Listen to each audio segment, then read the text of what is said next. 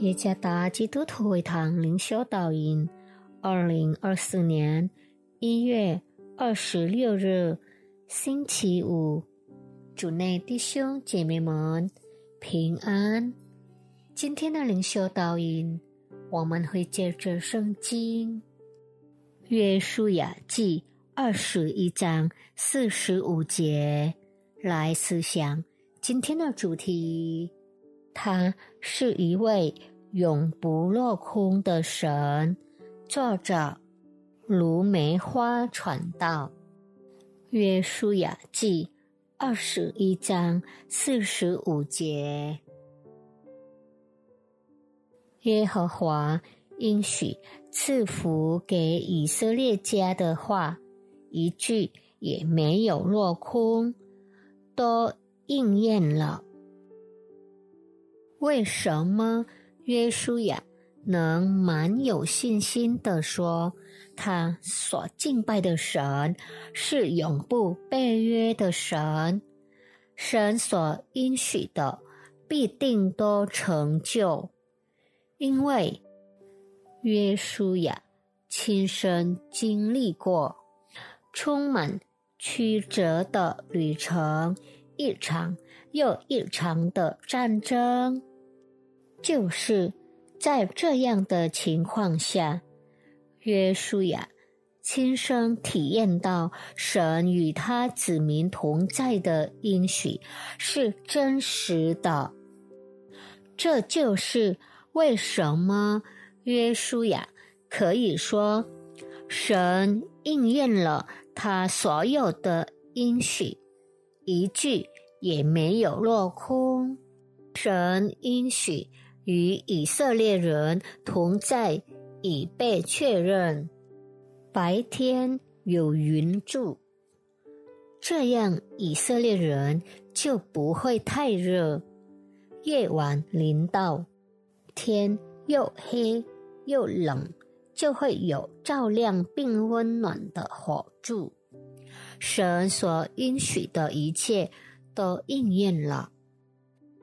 一个年轻男人来到一个女孩面前，并向她表白了他的感情，说：“我很爱你，我会照顾你，我会一直在你身边，我会成为一个关心你的男人，相信我吧。”这样的话。我们经常听见那么美、那么动听，但我们是否知道这些话不再有任何意义了？随着时间的流逝，那男人轻易违背自己的承诺，那就是人轻易食言的本性，但。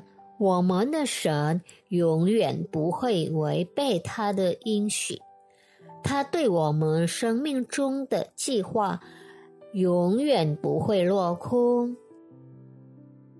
也许我们中的一些人开始绝望，开始放弃，生活中的问题接踵而至。我们中的一些人甚至。感到失望，因为有人承诺爱他们，但结果却离开了他们。现在仰望神吧，仰望神的十字架，因为在那里证明了神对我们真实的爱，为我们舍了生命，甚至他的复活。